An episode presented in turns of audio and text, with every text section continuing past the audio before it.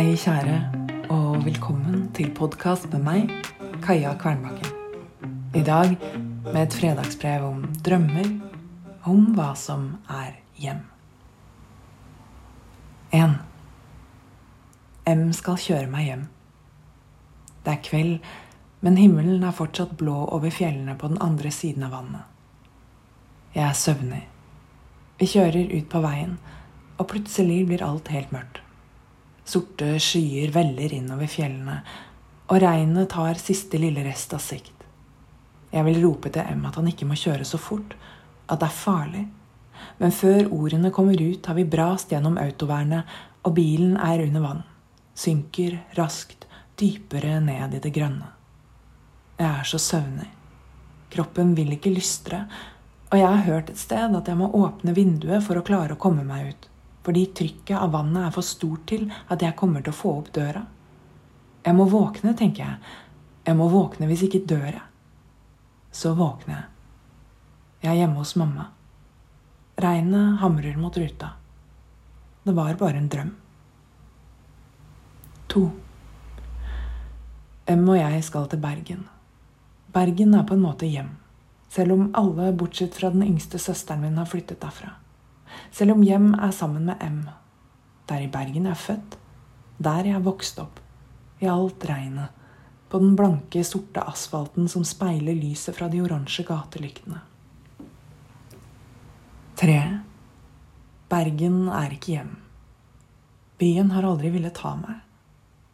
Fra Skansen ser jeg Askøy og Laksevåg og Marineholmen og Nordnes, og bak Nordnes er Møhlenpris.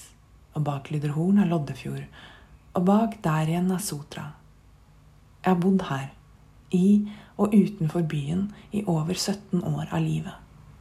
Jeg er født her, men jeg hører ikke til her. Fire. Jeg har tenkt at vi skal kjøre når det er lyst, men når M sier vi må vente til etter jobb, kjenner jeg at pusterøret snører seg sammen. Jeg er ikke sanndrømt. Ingen fare.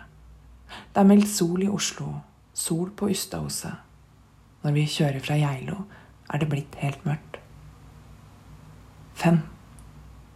Hvorfor har du ikke holdt på dialekta, spør folk meg. Men det er jo nettopp det jeg har gjort.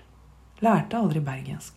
Ga opp da førsteklasselæreren min ba meg si 'en rød rev' for å vise alle at jeg snakket annerledes.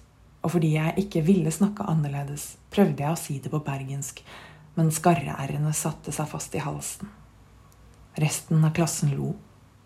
Det var ikke meningen at de skulle le. Seks. Regnet kommer så snart vi krysser grensa til Vestland fylke. Ved Vøringsfossen blir vi stående i 45 minutter og vente på en tunnelsprengning. Etter avkjøringa til Nordheimsund står det noe om stengte veier.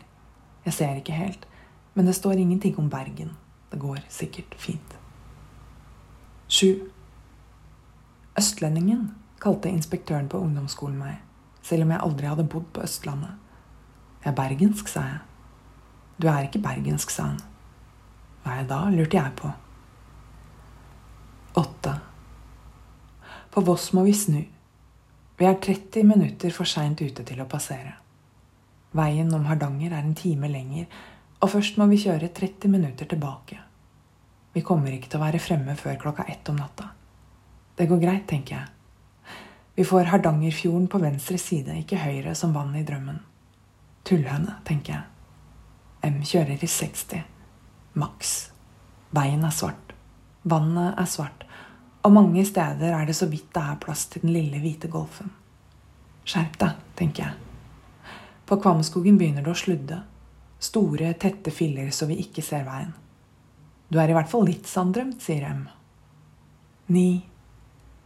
Fra Skansen går jeg ned gjennom smauene mot Katten. Har ikke gått akkurat denne veien før, men retningen bor i kroppen. Det føles likevel ikke som hjemme. Det er sårt, men det er også en lettelse. Alle steder jeg ikke er hjemme, er jeg også fri til å være akkurat den jeg vil. Fri til å tenke det jeg ikke kan tenke når stedet krever noe av meg.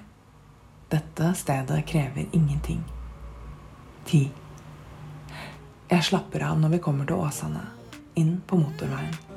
Det oransje lyset fra gatelyktene mot den svarte, blanke asfalten. Vi høres. Din Kaja.